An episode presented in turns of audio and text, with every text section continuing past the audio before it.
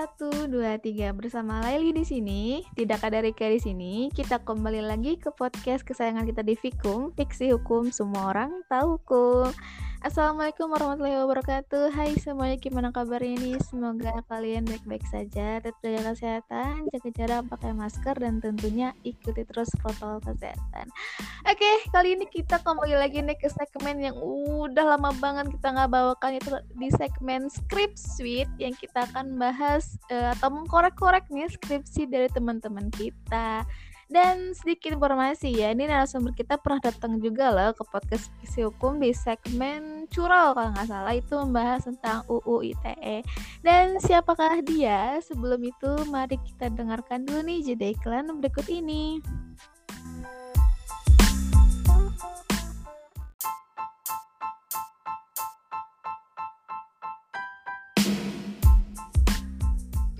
Oke, terima kasih kawan-kawan yang sudah sabar menunggu. Jadi, aku, sebelum aku memperkenalkan narasumber kali ini, aku mau sedikit cerita ya tentang fakta menarik dari narasumber kita pada kali ini. Kemarin saat dia datang ke podcast Fiksi Hukum, dia pun sama kayak kali ini, tidak apa belum bertemu Amerika. Dan siapakah dia? Langsung aja kita sambut sama-sama itu Agus Tiawan. Hai Agus. Halo, Halo, apa kabar? Alhamdulillah masih sehat ya. Gimana kemarin revisiannya? Ada masalah nggak? Alhamdulillah tidak terlalu banyak kak. Tidak terlalu banyak. Gimana ininya uh, plagiasinya beberapa berapa kali? Satu kali dong, tujuh persen. Wah, nggak ah, satu kali doang. Ih, kakak tiga kali empat kali kalau nggak salah itu. Wah, beda dong. Kayak pro, profesional. Siap. Eh, oke, siap ini langsung. profesional. Kita tanya langsung ini judul skripsinya Agus apa nih? Judul skripsi ulun pertanggungjawaban hmm. hukum oleh rumah sakit atas kelalaian terhadap pasien di saat darurat yang mengakibatkan cacat sampai meninggal dunia. Oke, ini perdata ya? Perdata dong. Oke, lanjut nih ke latar belakangnya. Apa nih? Latar belakangnya dulu waktu milih judul ya nggak? Mm -mm. Pas pertama kali milih judul itu kan bingung. Nah, kira-kira okay. judul apa nih yang uh -huh. Ya terus saya merenung, bermeditasi. Aduh. Oke.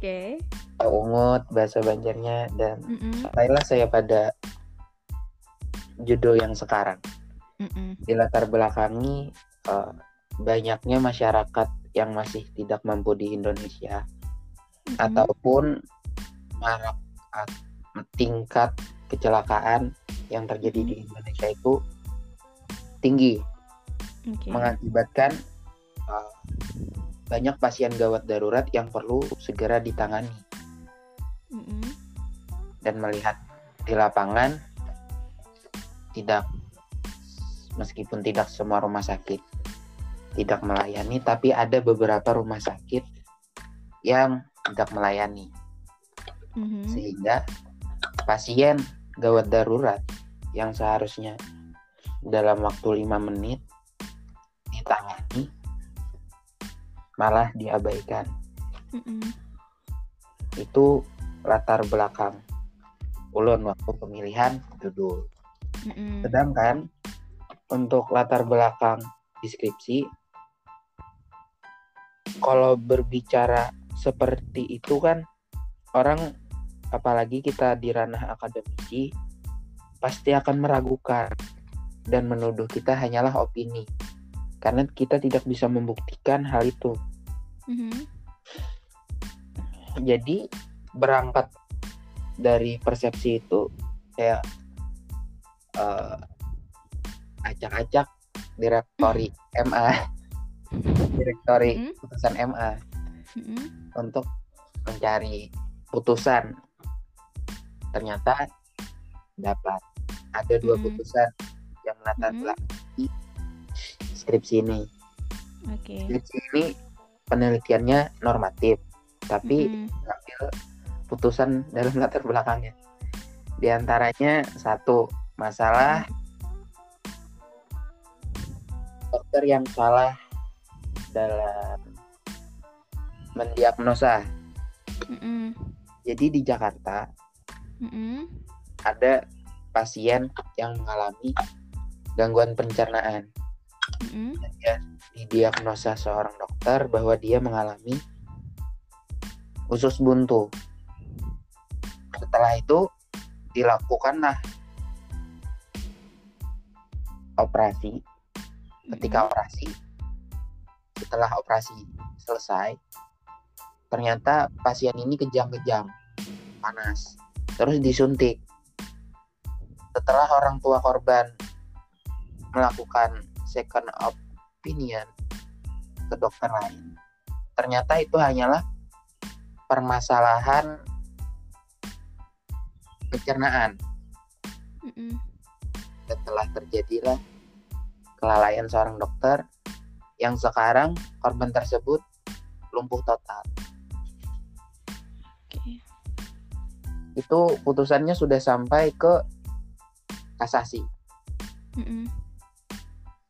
Dan latar belakang kedua ada sebuah kejadian mm -hmm. di Banda Aceh yang mana posisi ibu ini ingin melahirkan dan dibawa suaminya ke salah satu rumah sakit di Banda Aceh. Selama beberapa jam, ternyata tidak ada pasien jaga. Sampai malam, si pasien ini kesakitan mm-hmm. dan masih belum dapat penanganan dari pihak rumah sakit dokter jaga keluar pada saat jaga. Dan dibiarkan begitu saja pasien. Hingga pada malam sekitar jam 8 pasien tersebut dirujuk ke rumah sakit lain. Sampai pada operasi jam 3 karena lambatnya penanganan Pasien meninggal dunia beserta anaknya pada pukul satu pagi. Jadi setelah latar belakang itu, oh kita harus punya. Saya berpikir apakah apa sih hubungan rumah sakit dengan pasien kok bisa seperti ini apakah negara hadir dalam hal ini dan ternyata negara hadir mm. tidak semuanya berjalan dengan sesuai keinginan oke okay. yaitu belum bikin skripsi ini mm -hmm. tujuannya nanti mudah-mudahan bisa dibukukan jadi disebarkan mm -hmm ada masyarakat kecil kurang mampu atau lagi gawat darurat meskipun dia dalam keadaan tidak sadar setelah diberitahu hal-hal seperti ini tidak ragu lagi untuk mendapatkan untuk meminta pelayanan kesehatan puskesmas atau rumah hmm. sakit hmm. itu sih karena kita sudah di backup sama undang-undang sisanya hmm. ya administrasi administrasi aja seperti okay. ini oke oke dari latar belakang tadi rumusan masalah yang diambil apa nih rumusan masalah ulun mm-hmm. itu hubungan hukum antara pasien dengan rumah sakit mm-hmm. Yang kedua, tanggung jawab pihak rumah sakit jika pasien darurat mengalami kecacatan atau kematian akibat kelalaian rumah sakit. Oke, itu rumusan masalahnya. Lanjut kita pembahasan singkat ya. Dua dua rumusan masalah tadi, silahkan. Untuk hubungan hukum di rumah sakit, itu terdapat dua hubungan hukum menurut ahli. Kalian ambil dalam buku penuntun kuliah hukum kedokteran. Yang mana pertama terdapat hubungan hukum perjanjian perawatan seperti penyediaan kamar, makan dan minum, tempat rawat inap, dan sebagainya. Yang kedua, perjanjian pelayanan medis mm-hmm. berupa tindakan medis yang dilakukan oleh dokter dan paramedik yang itu perawat dan sebagainya. Mm-hmm. Terus mm-hmm. perjanjian ini perjanjian antara dokter dan pasien itu dikenal dengan perjanjian terapeutik. Dulu uh, perjanjian terapeutik ini mengenal di sebagai hubungan feodalis yang mana kedudukan dokter lebih tinggi dari pasien. Seiring berkembangnya zaman, hubungan ini sudah mulai pudar dan berubah menjadi hubungan paternalis. Nah, koreksi saja kalau salah. Jadi hubungan antar partner setara. Jadi masing-masing di, diikat dengan hak dan kewajiban. Lanjut, pasien itu dikatakan pasien ketika dia pertama kali datang ke rumah sakit mm-hmm. konsultasikan masalah kesehatannya itu pengertian mm. buat undang-undang nah dari perjanjian-perjanjian ini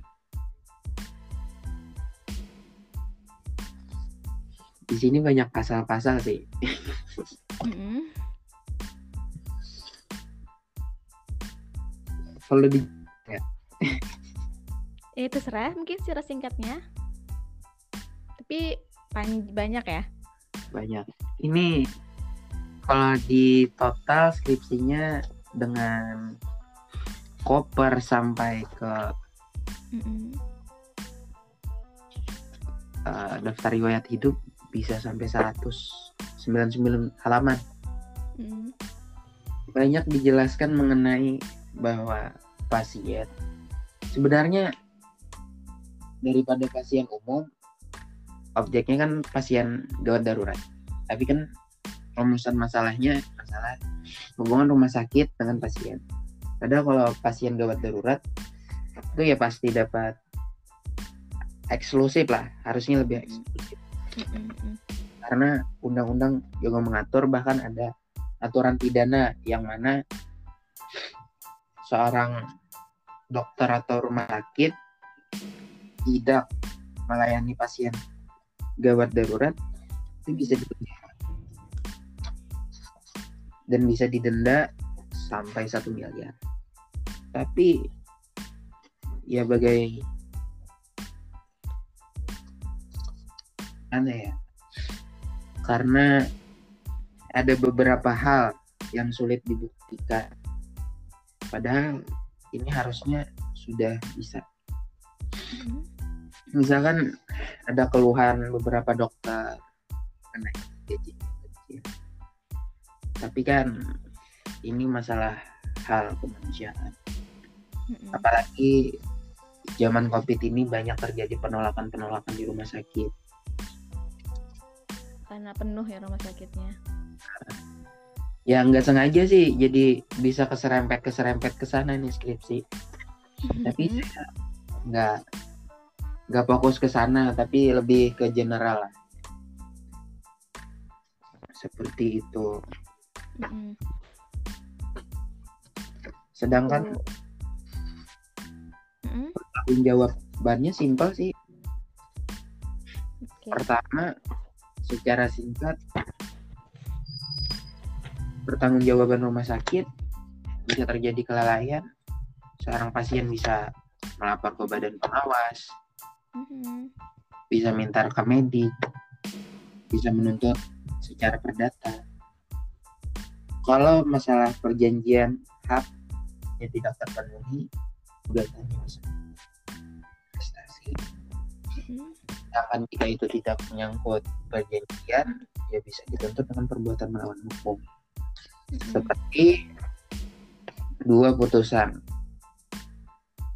yang kita ceritakan di awal tadi itu tuntutannya perbuatan melawan hukum. Mm-hmm. Tapi proses pencari keadilannya itu memakan waktu yang lama. Karena perlu dikeluarkan dari MKDKI mengenai pelanggaran kode etik. Pelanggaran, pelanggaran disiplin. Seperti itu. Oke. Seperti itu penjelasannya ya. Pembahasan ada lagi? Yang paling penting ditekankan dalam hal ini tujuan itu semua orang baik itu pihak rumah sakit dan masyarakat mm-hmm. mudah-mudahan bisa mengerti dan memahami bahwa mereka dapat hak dan kewajiban ini andai kata haknya di tidak dihormati oleh pihak lain ya mereka mm. bisa melakukan upaya ini karena itu sebuah langkah preventif. Karena meskipun ganti rugi sebesar apa pun kalau berkaitan dengan kecacatan bersifat permanen atau kematian. Material itu tidak bisa diukur. Karena orang ini bakalan menderita seumur hidupnya atau bahkan kehilangan seseorang yang sangat disayanginya. Ada ya banyak cerita-cerita lah dari teman-teman di masa lalu yang mengeluhkan pelayanan yang sampai uh, ibunya meninggal dunia alasan uh, administratif sehingga tidak dilakukan pelayanan pertolongan. Mm-hmm. Uh, ini sih yang pengen ulun angkat padahal okay. sebelum itu tuh banyak ya judul-judul perusahaan bidang perusahaan tapi ulun berpikir kira-kira skripsi ulun nih ulun hendak tujukan ke mana nih? Masyarakat. Supaya bisa mengadvokasi secara tidak langsung juga menyelesaikan tugas akhir ulun hmm. itu sih. Kalau perasaan mau alhamdulillah sudah selesai sudah selesai disidangkan. Dan hmm. puas lah.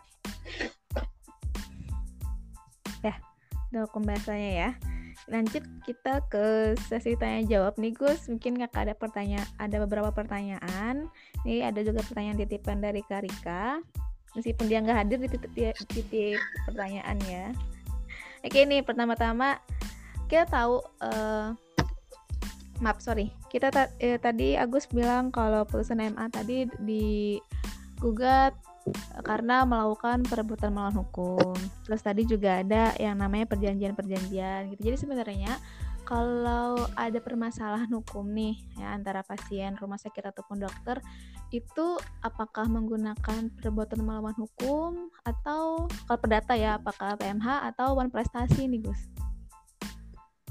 Tergantung kasus kan dalam kasus mm misalkan perbuatan melawan hukum itu digunakan misalkan untuk menjerat tanpa ada perjanjian sebelumnya jadi unsur-unsur perbuatan melawan hukum harus terpenuhi dulu mm-hmm. melawan prestasi dituntutnya prestasi apa yang tidak terpenuhi sederhananya seperti itu Oke. Okay. Tapi kan misalkan sebelum operasi ini misalkan kan sudah ada perjanjian dulu kan. Nah, yeah. misalkan ada sesuatu masalah gitu depannya apakah menggunakan perbuatan malhukum atau prestasi? Oh, ya.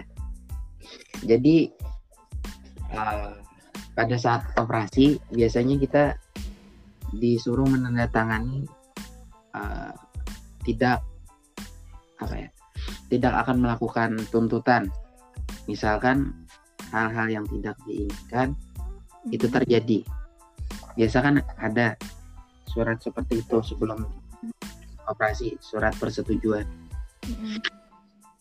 dalam nilai hal ini bila kita mengalami ada kecurigaan-kecurigaan kecacatannya kada wajar atau kematian kada wajar kita bisa meminta rekam medik dan minta bila kita mencurigai kita bisa minta bantuan MKDKI. Nah, di situ karena para dokter yang diduga melakukan kelalaian itu diperiksa. Nah, setelah hasil itu keluar, maka proses pidana ataupun perdata itu akan lebih mudah karena status yang dikeluarkan dari MKDKI ini bersifat sebagai alat bukti. Adapun dalam perbuatan melawan hukum itu tuh biasanya seperti kasus yang di Banda Aceh itu tuh yang dilihat adalah fakta kejadiannya. Pertimbangan hakim lebih mengarah ke sana. Seperti dihadirkan saksi-saksi.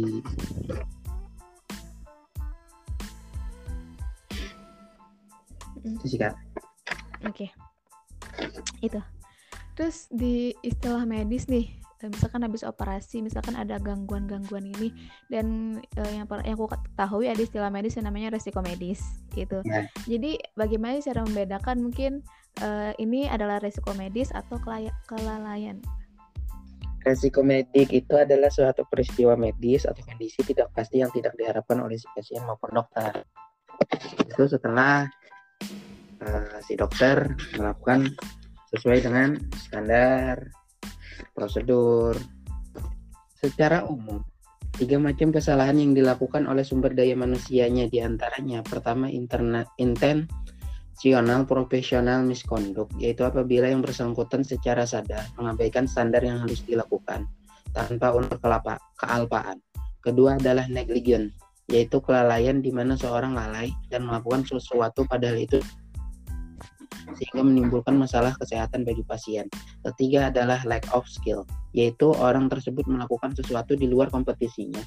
Kompetensinya. Ketiga, macam kelalaian pelayanan tersebut bisa berakibat hukum pada sumber daya manusia yang bersangkutan. Seorang dokter yang tidak melakukan pekerjaannya sesuai dengan standar operasional kedokteran dan standar prosedur tindakan medik berarti telah melakukan kesalahan atau kelalaian yang selain dapat dituntut secara hukum pidana, juga dapat digugat ganti rugi secara perdata.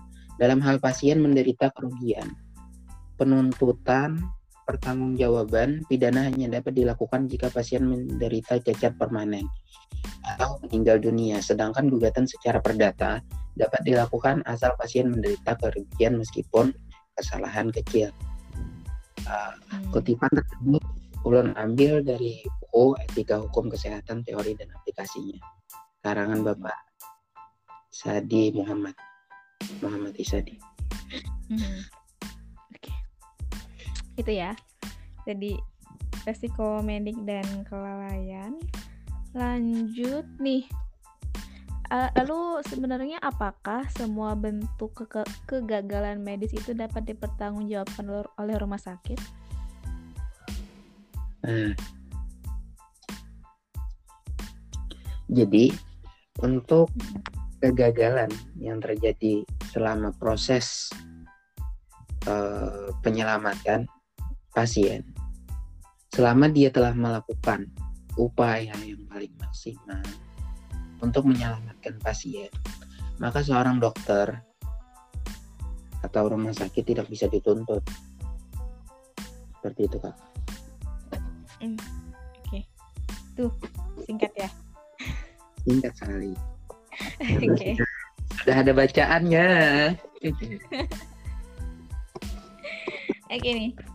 Kayak rumah sakit kan tanggung jawab terhadap kesalahan yang bersifat kelalaian dan bukan kesalahan yang bersifat kesengajaan. Lalu bagaimana nih kalau membuktikan adanya e, membuktikan antara kelalaian dan keseng dan kesengajaan itu? Nah, itu ada MKDKI, apa tuh MKDKI? Majelis Kehormatan Disiplin Kedokteran Indonesia. Nah, itu -hmm. yang masalah malpraktik bisa melapor ke sana. Nah, eh, apabila itu terjadi kelalaian ya kan, apakah bisa langsung digugat ke pengadilan ataukah ada penyelesaian lain sebelum masuk pengadilan? Jadi sebelum pengadilan ada dalam undang-undang pasal berapa gitu menyebutkan. Berapa gitu nah dalam ketentuan pasal 58 dalam ketentuan pasal 58 ayat 1 Undang-Undang Nomor 36 Tahun 2009 tentang kesehatan menyatakan setiap orang berhak menuntut ganti rugi terhadap seorang tenaga kesehatan dan atau penyelenggara kesehatan menimbulkan kerugian akibat kesalahan atau kelalaian dalam pelayanan kesehatan yang diterimanya. Ayat 2, tuntutan ganti rugi sebagaimana dimaksud pada ayat 1 tidak berlaku bagi tenaga kesehatan yang melakukan tindakan penyelamatan nyawa atau pencegahan kecacatan seorang dalam keadaan darurat. Hal ini juga sejalan dengan Undang-Undang Nomor 44 Tahun 2009 tentang rumah pasal 46 yang berbunyi rumah sakit bertanggung jawab secara hukum terhadap semua kerugian yang ditimbulkan atas kelalaian yang dilakukan oleh tenaga kesehatan rumah sakit. Mm -mm. seperti itu. Oke, seperti itu. Oke, ini mungkin pertanyaan terakhir ya, Gus ya. Ini misalkan pasien datang ke rumah sakit, tapi saat itu uh, darurat ya nih dan harus membutuhkan uh, operasi atau penanganan darurat lah kayak gitu. Tapi saat itu uh, tidak mampu bayar dan karena tidak mampu bayar itu jadi tidak ditangani oleh dokter padahal keadaannya darurat. Lalu pasien tersebut e, meninggal dunia. Lalu apakah itu bisa digugat, Gus? Nah, pasal 32 Undang-Undang Nomor 36 Tahun 2009 tentang Kesehatan mengatur dalam keadaan darurat, fasilitas pelayanan kesehatan baik pemerintah maupun swasta wajib memberikan pelayanan kesehatan bagi penyelam pasien dan pencegahan kecacatan terlebih dahulu. Dua, dalam keadaan darurat, fasilitas pelayanan kesehatan baik pemerintah maupun swasta dilarang menolak pasien dan garing atau meminta uang muka. Kemudian dijelaskan pula dalam pasal 29 huruf C Undang-Undang Nomor 4 Tahun 2019. Maaf, saya revisi. Pasal 29 huruf C Undang-Undang Nomor 44 Tahun 2009 bahwa rumah sakit itu wajib memberikan pelayanan gawat darurat kepada pasien sesuai dengan kemampuan pelayanannya.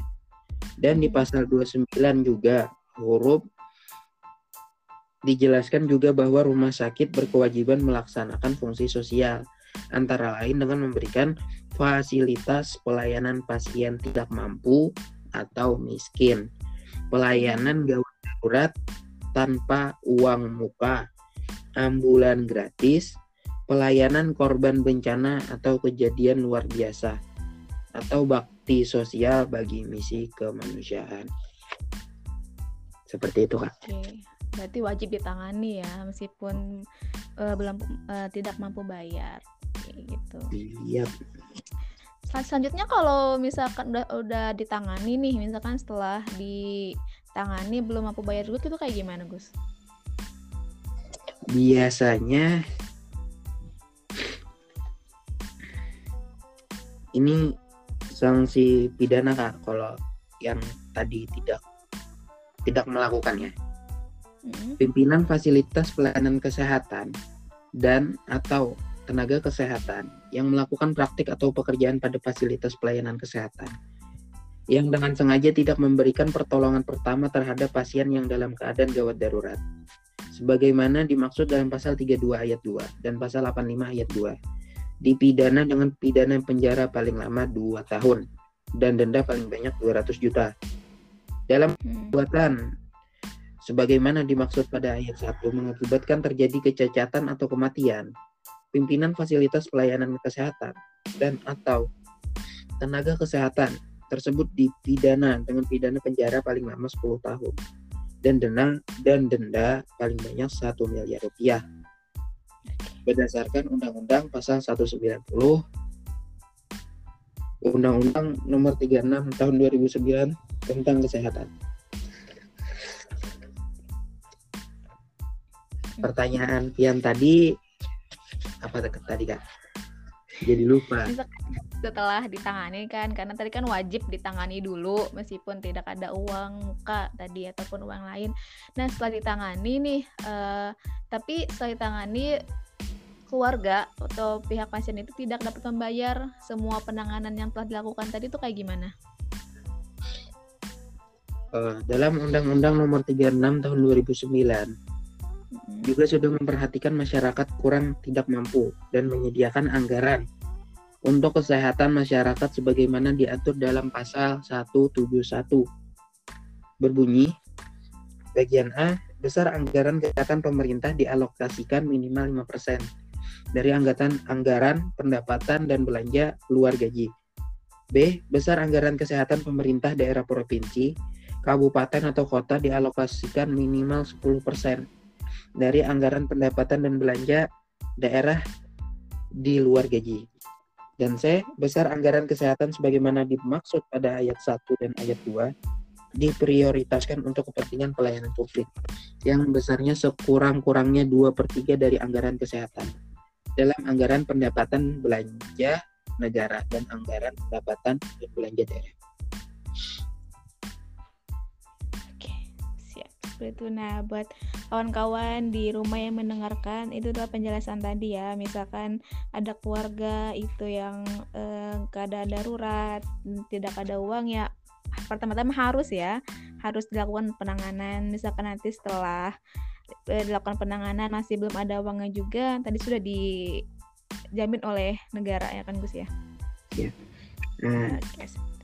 Terus kalau kawan-kawan di rumah ingin melihat hak dan kewajiban rumah sakit bisa membuka pasal 29 Undang-Undang nomor 44 tahun 2009 tentang rumah sakit. Itu biasanya kalau datang ke rumah sakit dipajang kok. Jadi kalau pengen tanya-tanya jangan sungkan karena Anda telah diberikan fasilitas boleh bertanya sepuasnya. Boleh kata Bapak juga. Oke. Okay. Oke, okay, itu tadi mungkin sekian sesi tanya jawab kita sebagai uh, terakhir kita ke penutup Gus itu kesimpulan dan saran dari skripsinya Gus silahkan dibacakan kesimpulannya mm -hmm. semoga kita sehat semua sehingga kita tidak perlu amin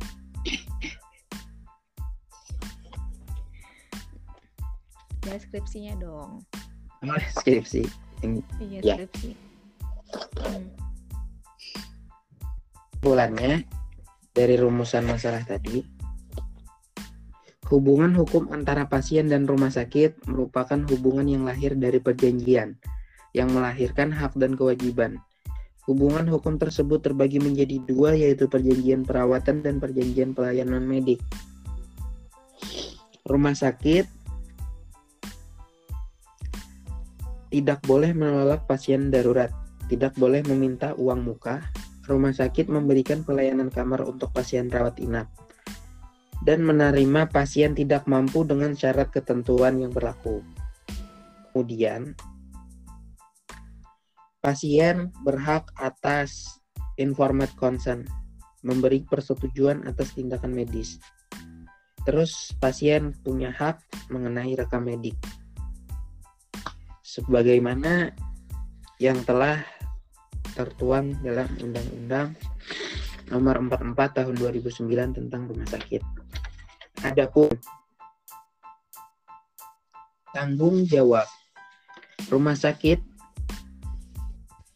jika dia lalai dan mengakibatkan pasien itu cacat hingga meninggal dunia adalah memberikan ganti rugi kepada pasien yang mengalami kerugian. Rumah sakit boleh digugat pasien dengan gugatan prestasi atau gugatan perbuatan melawan hukum. Serta bisa melaporkan ke Badan Pengawas Rumah Sakit jika rumah sakit terbukti bersalah. Maka akan dikenakan sanksi bisa berupa teguran, teguran tertulis, denda, pencabutan izin rumah sakit, dan jika hal itu terjadi karena dokter, pasien bisa mengadukan kepada rumah sakit atau majelis kehormatan dokter, majelis kehormatan disiplin kedokteran Indonesia, Terus ganti rugi yang diberikan baik ganti rugi material atau ganti rugi imaterial. Penyelesaian sengketa hendaknya ditempuh di luar pengadilan terlebih dahulu. Jika tidak bisa, silakan ditempuh melalui jalur litigasi atau pengadilan. Dan rumah sakit dapat digugat dengan gugatan tanggung gugat. Sarannya? Adapun saran, mm-hmm. satu agar peristiwa yang tidak diinginkan tidak terjadi pada pasien. Dokter ataupun para pihak di rumah sakit bisa saling menunaikan kewajibannya masing-masing. Seperti jika ada sesuatu hal yang ingin ditanyakan pasien, pasien jangan sungkan untuk bertanya kepada dokter atau petugas yang ada di rumah sakit dan pasien ketika ditanya dokter harus memberikan jawaban yang benar tentang keadaan sebenarnya. Dua, perlu dibuat suatu aturan yang memberi kejelasan terkait posisi antara pihak rumah sakit dengan dokter dalam hal pertanggungjawaban kepada pasien yang tidak kepada pasien yang ada di rumah sakit. Selesai. Yes, selesai. Lah, itu tadi penutup dari skripsi Agus kesimpulan dan saran. Uh, terakhir kita sama-sama mengucapkan terima kasih kepada Agus yang sudah bersedia datang ke podcast Fiksikum untuk kedua kalinya. Sayangnya masih belum bertemu si Rika ya. Semoga lain kali yang ketiga kalau mau gabung lagi silahkan bisa kita bertiga lagi kita rekaman. Siap. Oke dan buat kawan-kawan di rumah semoga hasil penelitian Agus ini bisa bermanfaat buat kita semua tentunya informasi-informasi yang telah diberikan Agus tadi dan aku tutup langsung aja buat kalian yang pengen gabung di podcast Fiksi Hukum di segmen Hotpot, Curol, ataupun Script Suite silakan aja hubungi Laili dan Rika di Instagramnya di @fiksi.hukum dan kami tunggu kabarnya. Ingat, skripsi jangan hanya disimpan dan dibukukan, tapi sebarkan agar bermanfaat. Sampai jumpa di episode-episode yang akan datang. Sampai jumpa di Fikum, Fiksi Hukum. Semua orang tahu hukum. Bye-bye di balik podcast. Nah, sekarang kan ada Telegram. Telegram mempermudah Anda untuk mengirimkan file yang lebih besar. Menular.